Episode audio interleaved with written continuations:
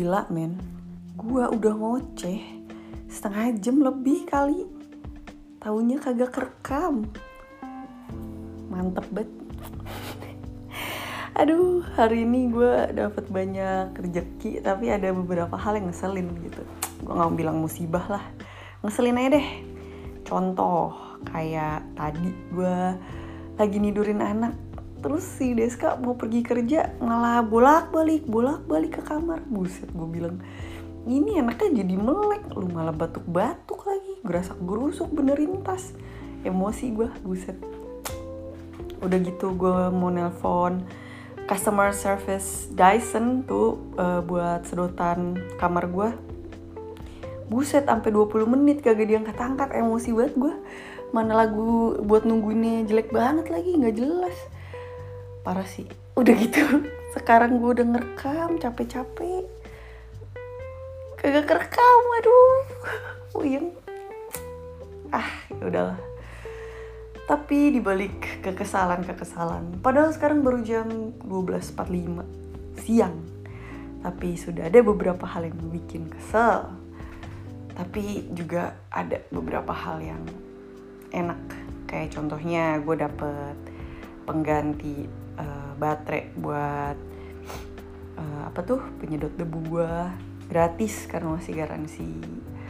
Terus gue dapet apa lagi ya?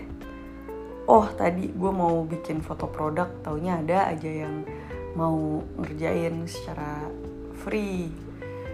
Karena dia emang lagi butuh buat portofolio.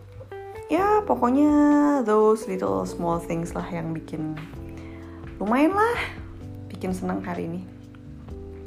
Terus gue juga tadi pagi bangun pagi banget. Gue bangun dari jam 5 gitu setengah 6 lah. Jadi gue punya banyak waktu banget pagi-pagi. Gue seneng banget deh kalau udah bangun pagi tuh karena lo jadi lebih produktif. Ngerasa gitu gak sih? Kalau gue morning person sih. Ya gue gak bisa bilang gue morning person juga sih. Soalnya gue sering juga bangun siang tapi ketika gue bangun pagi gue tuh selalu ngerasa lebih semangat lebih banyak hal yang bisa dikerjain gue bisa minum kopi tanpa gue harus takut nggak bisa tidur malamnya gue bisa punya paling gak waktu tenang sendiri di saat anak gue masih tidur, laki gue masih tidur, di luar masih gelap, sepi, dan gue bisa duduk di dapur buat nikmatin secangkir kopi pagi gue. Simple ya, kesenangan seorang ibu-ibu. Well, uh, so gue mau bahas apa ya? Gue itu mau ngebahas soal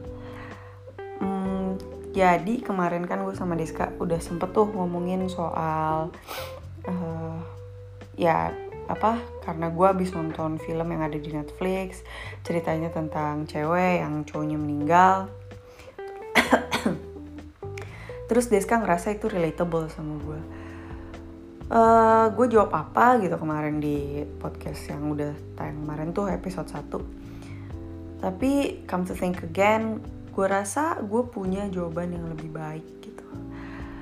Uh, waktu itu tahun 2014 gue masih 24 tahun. Uh, gue punya pacar yang waktu itu kita udah pacaran 6 tahun terus gue pergi ke Jerman ke Berlin tepatnya. Terus tujuh hari gue nyampe di Jerman.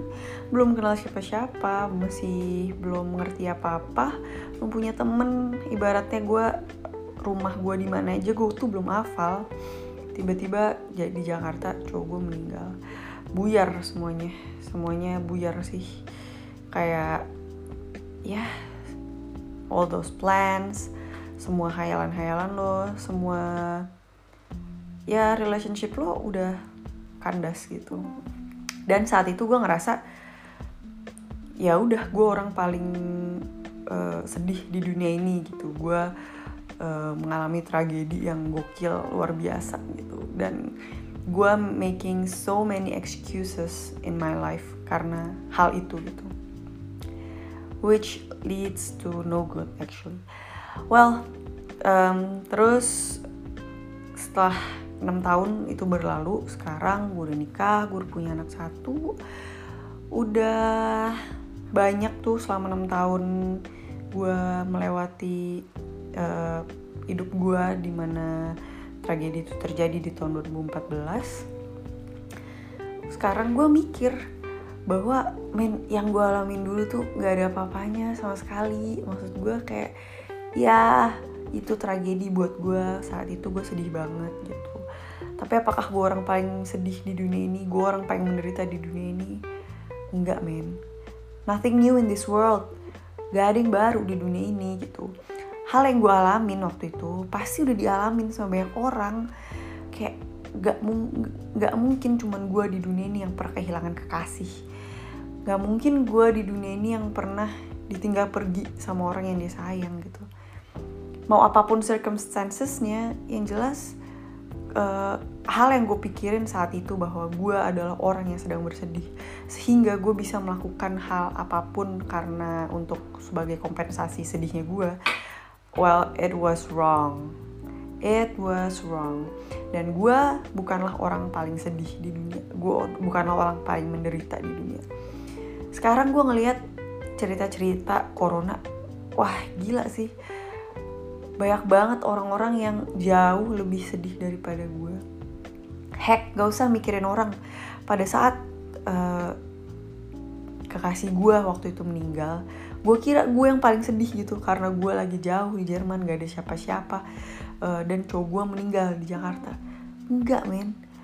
Kalau gue ngerasa kayak gitu mungkin waktu itu kalau gue sekarang pikirin lagi kayak ah gila lo egois banget pasti sesedih-sedih apa pun gue waktu itu. Pasti lebih sedih nyokapnya lah. Pasti lebih sedih bokapnya gila. Nyokapnya pasti sedih banget. Kehilangan anaknya gitu.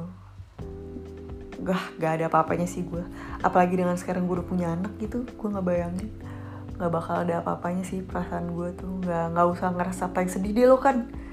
Udah lo lo lebay pisir lo uh, apalagi nih ya dengan sekarang orang-orang corona.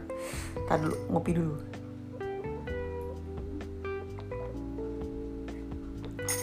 Ah dengan adanya orang-orang corona sekarang banyak banget cerita-cerita sedih orang kehilangan hmm, significant othersnya gitu. Mau itu pacar mau itu istri suami apalagi anak. Wah itu gila sih itu bener-bener bikin gue sadar gitu apa yang gue alamin tuh gak ada apa-apanya. Belum lah lagi orang yang hmm, suaminya meninggal atau istrinya meninggal dan dia harus pura-pura kuat depan anaknya. Wah itu gue salut banget sih. Sama juga sama orang-orang yang sendirian gitu pada akhirnya entah kenapa mereka jadi single fighter, single parents. Kenapa single parents itu malah dihujat sama masyarakat, men? Single parents itu harusnya tuh lu angkat topi buat mereka. Mereka bisa gedein anaknya sendirian. Lu kira gampang gedein anak berdua ya susah gimana sendirian, gila dan lu malah ngehujat orang-orang kayak gitu wah gila sih ada yang salah sama society men kalau emang kayak gitu ceritanya mungkin kalau lo ngelihat single parents di TV atau di mana kayak di media gitu mereka mungkin ngeframing orang single parents kayak gitu. Jadi orang punya stigma yang gak enak gitu buat single parents. Padahal kalau gue ngelihat sendiri gitu kejadian men di circle gue jadi single parents dia bisa sekolah dan dia bisa kerja dan dia bisa gedein anaknya sendirian. Di luar kota benar-benar sendirian dari anak itu lahir sampai umurnya udah 2 tahun lebih kayak sekarang dia bisa ngelakuin itu sendirian. Wah gila. Lo lo keren men. Lo temen gue paling keren so far. Karena lo bisa kayak gitu dan kuat. Dia bahkan nggak cerita sama siapa-siapa. Dia nggak cerita sama temen-temennya. Cuman ya kita sebagai temen ya adalah reach out juga akhirnya.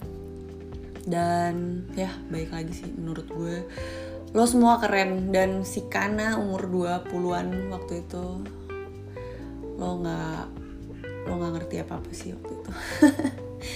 Ya sama sih sekarang juga gue belum ngerti apa apa ya. Cuman paling nggak si Kana di umur 30-an ini uh, ngerti sedikit lebih banyak daripada karena di umur early 20 ya. Pasti sih kalau misalnya sampai nggak ada ilmu baru sih loser banget gue ya. Nggak nggak kurang bermakna gitu hidup gue artinya. Sama tuh uh, kayak yang gue ngelihat ada thread di Twitter baru-baru ini tentang uh, dosen yang lagi ngajar dari rumah via Zoom, terus uh, anaknya tuh masih balita gitu, nggak sih kayak masih masih um, apa sih? Itu yang masih umur 2 tahun gitu, belum 2 tahun. Intinya masih nenek lah anaknya, masih toddler. Nah terus dia sambil zoom, terus anaknya sambil nangis-nangis dan dia harus nyusuin anaknya. Dan uh, mahasiswa-mahasiswa malah ngatain dia. Ah men lo gue itu sedih banget sih dengernya karena mahasiswa-mahasiswa tuh mulutnya gak diayak. Gue ngerti sih gue ngerti sih lo semua masih muda men. Lo semua masih hijau kayak Anang cuman gue sedih banget aja sih mikirnya. Mungkin kalau gue masih muda gue bakal mikir kayak gitu juga kali ya. Cuman setelah gue segini gitu ngeliat realitanya lu semua nggak akan ngerti men rasanya jadi orang tua. Dan lo nggak akan ngerti rasanya jadi perempuan. Yang lo harus ngurusin anak lo.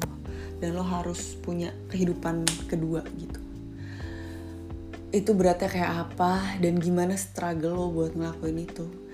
Jujur gue belum nailed it sampai sekarang. Gue masih belum bisa punya dua dunia. I'm trying. I'm trying really hard. Maybe not hard enough but I'm trying to. I'm starting to to make this possible gitu. Gue berusaha untuk ini menjadi realita baru gue uh, mungkin gue terlalu lelet juga gitu ya. Gue nggak secepat orang-orang lain. Cuman semua orang punya pace sendiri-sendiri kan. Paling gak gue udah sadar. Uh, tapi jujur itu bikin gue sedih banget sih tweetnya.